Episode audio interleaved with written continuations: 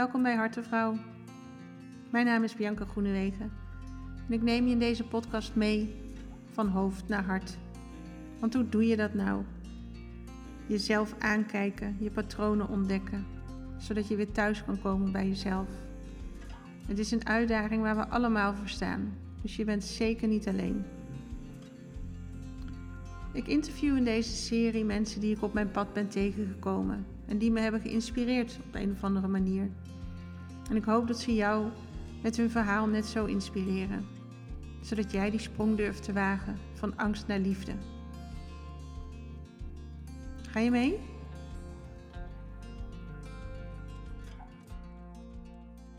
Welkom weer terug bij Hartenvrouw. Ik hoor net eigenlijk pas dat er een enorme galm in de intro zit. Dus die ga ik even eruit halen voor jullie. Sorry daarvoor. Um, was me eerder niet opgevallen. Vandaag is het thema moeders. Wie kent ze niet, hè? Want dat is waar wij vandaan komen. Allemaal. Ons leven begint met de moeder. Zelfs als vader niet meer in beeld is. Je komt altijd op aarde via je moeder. En waarom dat thema? Um, afgelopen week heeft mijn beste vriendin haar moeder moeten laten gaan. En uh, ja, dat is natuurlijk hartstikke verdrietig. Dat is ook, ja, moeilijk te beseffen. Um, een andere vriendin, haar moeder, is op dit moment met haar laatste reis bezig. En misschien dat we met ons licht haar pad wat kunnen verlichten. Het was altijd al een thema voor mij om mee bezig te zijn. En deze week met zoveel verdriet, maar ook tegelijk waar zo die liefde voor moeder duidelijk wordt. Ja, wilde ik dat gewoon doen. Uh, ja, moeders. ik zei het al, hè. We beginnen allemaal ons leven via moeder. We groeien negen maanden lang veilig en vertrouwd in de buik bij de moeder. De moeder zet ons op de wereld, letterlijk. En moeder speelt ook zo'n grote rol hè, in alles. Ik merk het ook nu het afgelopen half jaar. Uh, ben ik heel intensief bezig geweest met systemisch werk en familieopstellingen voor de opleiding die ik volg. Um, mijn basis is afgerond gelukkig, dus ik ben het al volop aan het toepassen in de praktijk. Uh, nu ben ik met de verdieping bezig. Dat is nog weer een stapje verder, dieper, interessanter. Heel erg boeiend allemaal. Um, nou ja, daarin kom ik natuurlijk ook de dingen tegen met mijn eigen moeder. Um, en ik heb altijd, ja, ik heb nooit problemen gehad met mijn moeder. we hebben het, het fijn gehad samen. We hebben het nog steeds fijn, gelukkig. En zeker deze week God dankbaar dat ze er is. Uh, maar toch zijn er dingen die uh, blijkbaar een rol hebben gespeeld uh, gedurende mijn leven. Ook dingen waar je helemaal niet bewust van bent, maar dat gebeurt. En eigenlijk het belangrijkste wat ik heb geleerd is dat ik mijn moeder niet per se als mijn moeder heb gezien. Of juist alleen als mijn moeder, maar niet als persoon. Ja, dat viel me ook op trouwens toen ik zelf uh, jongmoeder was en mijn kinderen, net zoals alle kinderen, hun moeder volledig kunnen claimen. Dat ik dacht, ja, hou eens even op joh. Ik ben toch gewoon nog Bianca. Ik ben gewoon een vrouw met uh, een leuke vent, met vriendinnen waar ik leuke dingen mee wil doen. Ik heb ook wensen. ik ben er niet alleen maar voor jullie. Maar dat is als jonge moeder natuurlijk bijna niet vol te houden, bijna niet te doen. Maar was wel wat ik heel sterk voelde.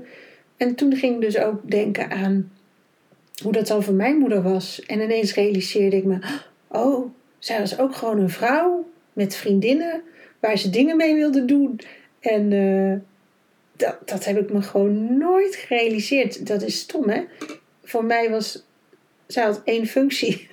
dat was mijn moeder zijn. Niet zo bewust hoor. En ook zeker niet asociaal bedoeld. Maar ik heb me daar gewoon nooit bij stilgestaan. Ik realiseerde me dat ik. Ik ging naar de verjaardag van mijn vriendin. eh, om naar haar verjaardag te gaan. En toen dacht ik, ja, bij ons kwam ook altijd de oude schoolvriendin van mijn moeder, kwam altijd op verjaardag. En uh, die kwam daar dus voor mijn moeder. Als, als zijnde haar vriendin, als zijnde het meisje waar zij mee is opgegroeid, groot geworden, uh, de liefdesperikelen meegedeeld en al dat soort dingen. Ik heb serieus, toen ik klein was, nooit zo naar mijn moeder gekeken. Alsof ze niet een losse entiteit was, maar dus echt volledig versmolten met mijn leven. En in theorie is dat natuurlijk ook zo. Um, want zij is er mijn hele leven. Dus, dus zij is mijn hele leven, part of mijn leven, zeg maar. Ja, ik weet niet of ik nu aan het raaskallen ben of dat je me nog volgt, maar ik hoop het laatste. Um, maar in ieder geval, ik heb haar dus niet altijd gezien als uh, vrouw, als, als zelfstandig persoon, als, als losse entiteit, los van mij. En, en dat heb ik wel het afgelopen half jaar gezien. En dat, um, ja, dat is wel mooi, want daar gaat het ook in het systemisch werk over. Wat er bij mij is gebeurd, is. Um, en ik denk dat heel veel mensen nou, ja, dat hebben. Er komt een moment waarop je bijvoorbeeld ziet dat je moeder verdriet heeft. Of ik met mijn gevoeligheid heb echt wel momenten gehad dat ik voelde dat ze niet beschikbaar was. En dat zijn de momenten waarop we als kind gaan denken. Dat is het mooie magische denken wat kinderen hebben. Ik ga wel voor jou dragen, want dan hoef jij het niet te doen. Geef die last maar aan mij. Ik stop het in mijn rugzak. Ik kan het wel dragen, jij niet. Ergens is dat natuurlijk ook best wel een gekke um, soort van terechtstelling. Dat je zegt, jij kan dit niet, ik kan dit wel. Daarmee zet je jezelf dus, nou, zowel letterlijk als figuurlijk, boven die ander. Ik kan dit beter dan jij, dus laat mij het maar dragen. Vanuit liefde bedoeld, hè? dus dit gebeurt allemaal onbewust. Maar dat is wel het signaal wat je daarmee afgeeft. En systemisch gezien kruip je dus die berg op. En wat gebeurt er dan? Je gaat boven je moeder staan, je gaat voor haar zorgen, je gaat haar ontlasten. Dat is jouw taak niet als kind, maar dat doen we wel. In ieder geval, ik heb dat wel gedaan. Op heel veel stukken. Het gevolg daarvan is dat die fijne rivier van liefde die door jouw familiesysteem stroomt, van boven naar beneden, want zo is de stroming, die komt niet meer bij jou uit. Dus dat water wat stroomt, die liefde, die gaat eerst door jou en dan richting je ouders. Je bent aan het geven. Maar als kind heb jij je ouders niks te geven. Als kind heb je juist de liefde van jouw ouders, die, dat water van die berg, te ontvangen. En ik ben dan misschien ook nog wel zo eigenwijs Ehm, dat ik daarbij gezegd heb: Ja, maar dat water wat jij naar mij toe wil sturen, dat is niet het water wat ik wil. Ik wil water met bubbeltjes, bij wijze van. En jij stuurt me plat water. Of ik wil groen water en jij stuurt me blauw water. En zo werkt het niet. Binnen je systeem heb je te ontvangen wat er is, aan te nemen wat er is. Dus de manier waarop jouw moeder liefde geeft, en in mijn geval was dat heel beschermend. Ehm, soms te beschermend misschien. En toch ook heel erg geleerd om zelf mijn keuzes te maken. Om, om echt te kiezen voor wat voor mij belangrijk is. Om dat stukje te ontvangen van haar. En ook ehm, als ik nu eraan aan denk en erop invoel, dan voelt haar liefde heel kwetsbaar op een of andere manier. Of misschien voelt zij kwetsbaar, dat dat het is wat ik daarin bespeur. Maar dat is dan wat het is. Die liefde heb ik op die manier aan te nemen.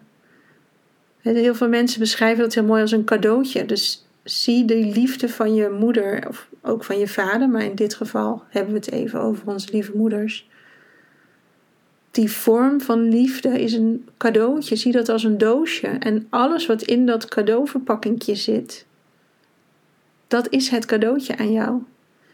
En van een cadeautje ga je niet zeggen, ja, die drie dingen wil ik wel, maar die twee die mag je gewoon weer houden. Die hoef ik niet. Kan je zeggen, maar is niet de bedoeling van het leven. Het leven geeft je cadeaus die echt voor jou bedoeld zijn. Precies in de vorm waarin ze naar je toe komen. En zie hier ook die spiegel die we overal in het leven zien. Ik vind mijn moeders liefde te kwetsbaar voelen. Maar als ik ook heel eerlijk ben, als ik mezelf onder mijn moeder zet, dan voel ik me heel kwetsbaar. Ik vind het een hele kwetsbare positie om haar liefde volledig te ontvangen, om überhaupt volledig te mogen ontvangen. Ik ken dat niet, omdat ik dat al heel jong niet meer heb gedaan. Ik ben gaan geven. En hoe meer ik durf te ontvangen, hoe, hoe kaler en kwetsbaarder ik me voel. Omdat ik geen controle daarover heb. En die is eng, maar die is wel nodig om te voelen.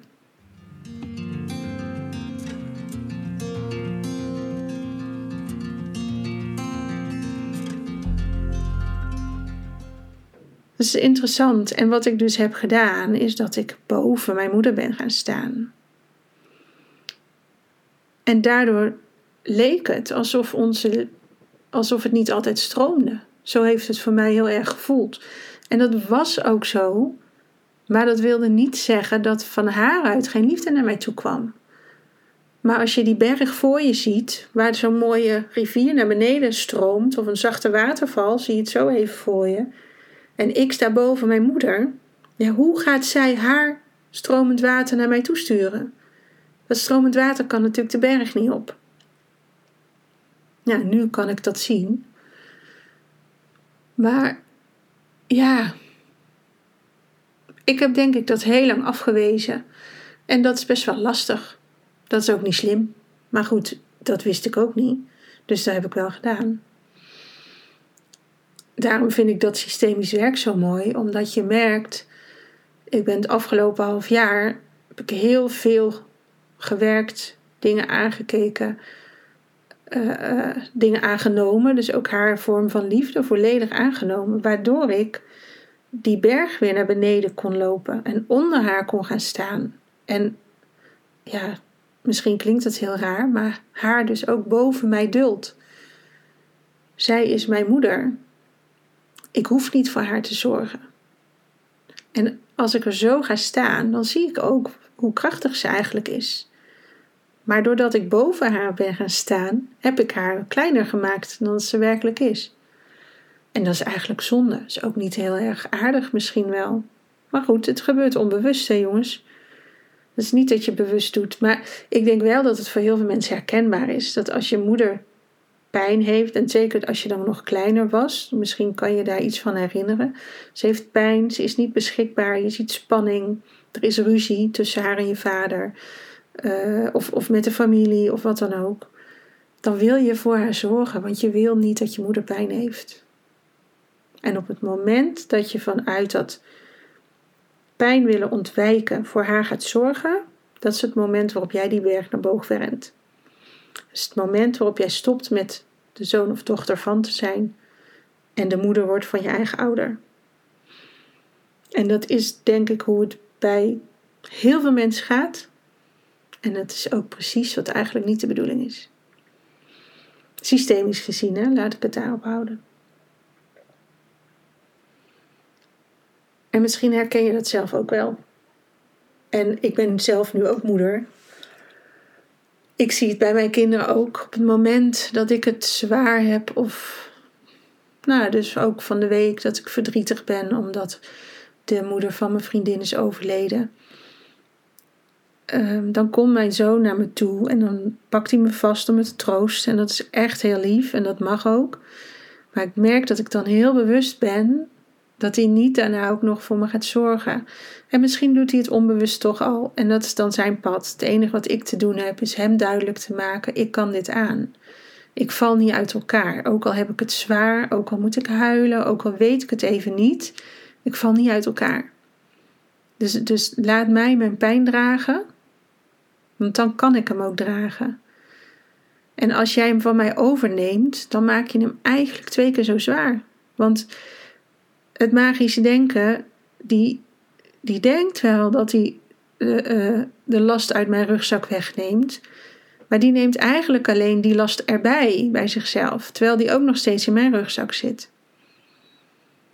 Dus dat zijn wel dingen die ik ook probeer te bespreken met mijn jongens. En misschien heb ik dan nog geluk dat ik jongens heb die over het algemeen, denk ik, misschien is dat ook niet waar, maar dat is mijn gevoel erbij, iets minder dragen. Die kunnen makkelijker dingen daar laten. Ehm, waar heel veel meisjes, vrouwen gewend zijn om te zorgen. Gewend zijn om lief te zijn, extra lief te zijn. Nog maar even wat extra liever te zijn om het maar goed te doen voor die ander. En dat zie je ook weer terug als je kijkt naar die moederenergie. Zie je dat ook in het enneagram terug bij bijvoorbeeld type 2. En type 2 is die helper. dat is die moeder die thuis klaar zit met uh, de thee en de koekjes. Uh, die zorgt dat de surprise mooi wordt. Dat, um, ja, noem maar op, waar kan je allemaal bij helpen? Bij je kinderen, bij alles natuurlijk. En soms ook echt letterlijk bij veel te veel. Want je helpt ze niet echt. Wie help je? Je helpt jezelf. Je helpt jezelf dat je niet de struggle hoeft te zien van je kind. Je helpt jezelf dat je niet hoeft te zien dat er pijn is, dat het ongemakkelijk is voor hem, dat hij het niet, eh, niet weet. Het is ongemakkelijk, dat willen we niet. Want we kennen die pijn zelf maar al te goed uit onze eigen jeugd. En dat willen we niet voor ons kind. We willen ons kind dat niet aandoen. Daarin zijn we denk ik ook grotendeel. Ik zeg even allemaal, want ik geloof echt wel dat iedereen daar actief aan meedoet. Wij zijn allemaal die curling ouder. En ja, de ene is daar veel beter in los te laten dan de ander. Maar we hebben allemaal onze curling momenten waarin we de boel wegpoetsen voor ze. als het even allemaal voor de wind gaat, dan helpen we hem daar ook nog even mee, want dan kan hij daar even goed van genieten. En misschien was het wel juist de bedoeling dat hij op zijn bek zou gaan terwijl het heel goed ging. Om echt even te leren: oh shit, oké. Dat ging dus toch niet zo goed als verwacht. En hoe ga ik daar volgende keer mee om? En niet door mijn moeder lost het wel op. Dat is niet de weg van geen enkel kind. En wat doe je daarmee als moeder? En ik ben daar zeker debet aan, wat ik voorheen deed bij mijn moeder, door te zeggen: geef het maar aan mij, ik ga het wel dragen, ik kan dat beter dan jij. Geef ik nu door mijn kinderen te veel te helpen ook het signaal af: ik kan dit beter dan jou. Dus laat het mij maar doen. en soms, zeker als je kinderen klein zijn, dan is het heel handig om even snel die schoenen te strikken. Dat is ook zo. Maar daar leert het kind niks van, behalve dat hij te lang erover doet en dat het niet helemaal naar wens gaat. Je kan ook, want jij bent een volwassene, dus jij kan wel plannen, wat kinderen gewoon niet kunnen. Die ervaren geen tijd. Dat je tien minuten eerder begint. En dan heeft hij alle tijd om zijn schoenen te strikken en om zijn jas drie keer binnenste buiten, ondersteboven aan te doen. En de knopen dicht te kunnen doen.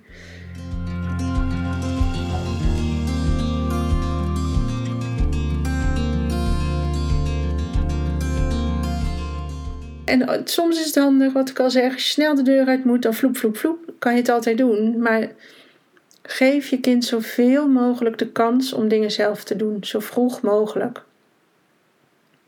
Daar leer je gewoon meest van. Wij leren door dingen te doen en niet door alleen maar te luisteren.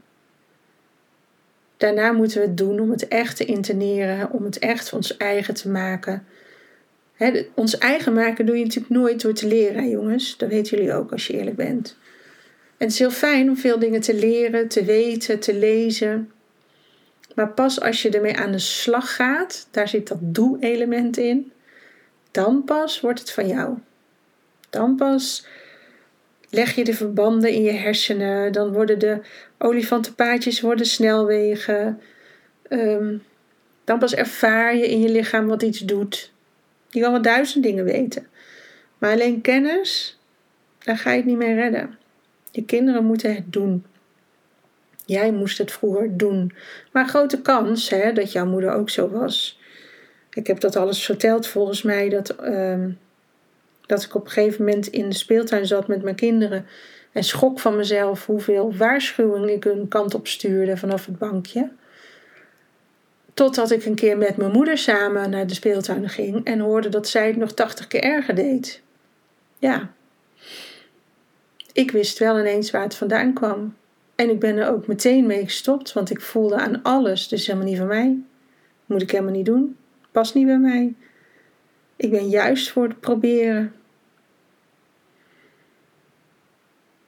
Dus ja, die moeders, hè. Oi, oi, oi. Ik dacht vroeger ook echt, over arrogant gesproken. ik dacht echt dat ik de ubermoeder zou worden. Ik was op zoveel kinderen aan het oppassen en ik vond het heel leuk om met voor neefjes en nichtjes te zorgen. En ja, ook denk ik omdat ik daar altijd complimenten van kreeg. Ik, altijd als ik lief was voor een babytje, dan was iedereen daar lijnd enthousiast over. Uh, als ik uh, leuke dingen deed met oppassen, dan kreeg ik daar weer complimenten over. Dus ik denk ook dat het op die manier enorm gevoed is. Dat ik merkte, hé, hey, dat gaat eigenlijk heel makkelijk. Als ik zo en zo doe, dan krijg ik heel veel positiviteit terug. Dan ben ik niet vervelend, ben ik niet ongeduldig, dan ben ik niet uh, te druk of uh, te koppig. Nou ja, goed, alle dingen die ik ook ben. Maar dan hoorde ik dat nooit. Dan was ik een lief meisje, want dan zorgde ik goed voor het kindje. En dus het zal zeker meegespeeld dat, dat ik daar uh, fijne reacties op kreeg. En nou ja, zo ontstaat een wereldbeeld natuurlijk van als je heel klein bent tot wanneer je wat groter groeit. Dat ik echt dacht, ja, je geeft mij wel kinderen, want uh, ik chop, chop, chop en dan flats ik dat even in elkaar. En dat worden gewoon wereldburgers en dan wereld zowel in de universele vorm als top, zeg maar. Nou, was I wrong? Nee, niet dat ik me slecht, een slechte moeder voel, maar ik, het is wel vallen en opstaan. En ik zie echt heel veel dingen dat ik denk, oh, dat had ik toch liever anders willen doen. En toch zijn dat mijn valkuilen waar ik steeds weer intrap. Dus blijkbaar hoort het bij mij, past het bij hun, hebben zij er wat van te leren, heb ik er wat van te leren. Ik kan er nu wel veel zachter naar kijken.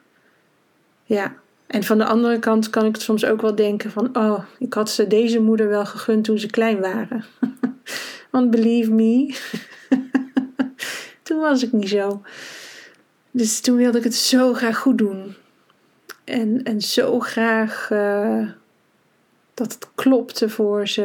En ja, je kent dat wel, alle uh, hoe heette die boek ook alweer? Wijde Ouders? Nee, niet Wijde Ouders, dat is iets anders. JM-ouders en, en Ouders van Nu. Nou, de hele shebang. Ik las alles en ik vond het prachtig. Dat gaat weer over die kennis, hè? En die kennis ging ik dan toepassen. Maar die was niet van mij, want die kennis die voelde ik helemaal niet. Dat was het riedeltje wat je hoorde te doen, waardoor je je vinkjes kreeg bij het consultatiebureau. God ja, wat was dat ook? Iedere keer weer die keuring, of die dit of dat al kon. Nee, niet mijn ding. Dus van de ene kant zou ik mezelf ook en mijn kinderen ook gegund hebben dat ik de kennis van nu had toen ik zo jong was, toen ik moeder werd. En van de andere kant berust ik er ook wel in dat dit gewoon is hoe het is gegaan. Ja, ik, heb mijn best gedaan. En ja, die kinderen zullen ook over 20, 30 jaar bij een uh, coach of therapeut uitkomen. Waarin ze zeggen: Jeetje, ik wil dat cadeautje van mijn moeder, wat liefde heet, helemaal niet aannemen. Want ze had het op die en die manier moeten doen. Dat is wat ik nodig had. Ja, daar hebben ze ook recht op. Net zoals ik dat nu zelf heb, dat recht. Um, wat niks afdoet aan de liefde van mijn moeder voor mij. Of mijn liefde voor mijn moeder. En dat zal ook later zo zijn zij weten ook dat ik het vanuit mijn beste bedoeling heb gedaan, ook al wist ik dat het fout was. En vaak weten we niet hè, dat het fout is, want ik kan niet in die kopjes kijken. Ehm, dat gaat gewoon niet. Dus dat wat je kind nodig heeft, is niet hetzelfde als wat jij nodig hebt gehad. Maar dat is wel wat we erop projecteren. Dat is hoe we onze liefde doorgeven. Door onze eigen pijn niet op hun. Uh, om hen niet die pijn te laten voelen eigenlijk. Dat is onze strijd misschien wel. Waardoor we ze juist heel veel aandacht daarop vestigen. En de kans groot is dat diezelfde pijn daar ook zit. Maar wil niet zeggen dat dezelfde oplossing nodig is. Daar zit hem het verschil in. En daarnaast, als je het weer systemisch bekijkt, hè, pijn reist door een systeem tot iemand bereid is het te voelen. Nou, ik heb daar wel een handschoen in opgepakt. En ik ben wel bereid om te voelen. Om het daarna niet nog verder door te geven. Want ik vind het zonde als het generaties lang doorettert. Het is niet nodig. Je gaat niet dood door pijn te voelen. Ook al denken we dat, ook al zit er enorm trauma onder. Als volwassene overleef je die pijn. Als kind voelt het alsof je doodgaat. Dat gebeurt misschien ook niet fysiek zo, maar dat is wel je gevoel daarbij. Als een babytje niet geknuffeld wordt, dan schreeuwt hij de longen uit zijn lijf omdat hij denkt dat hij doodgaat.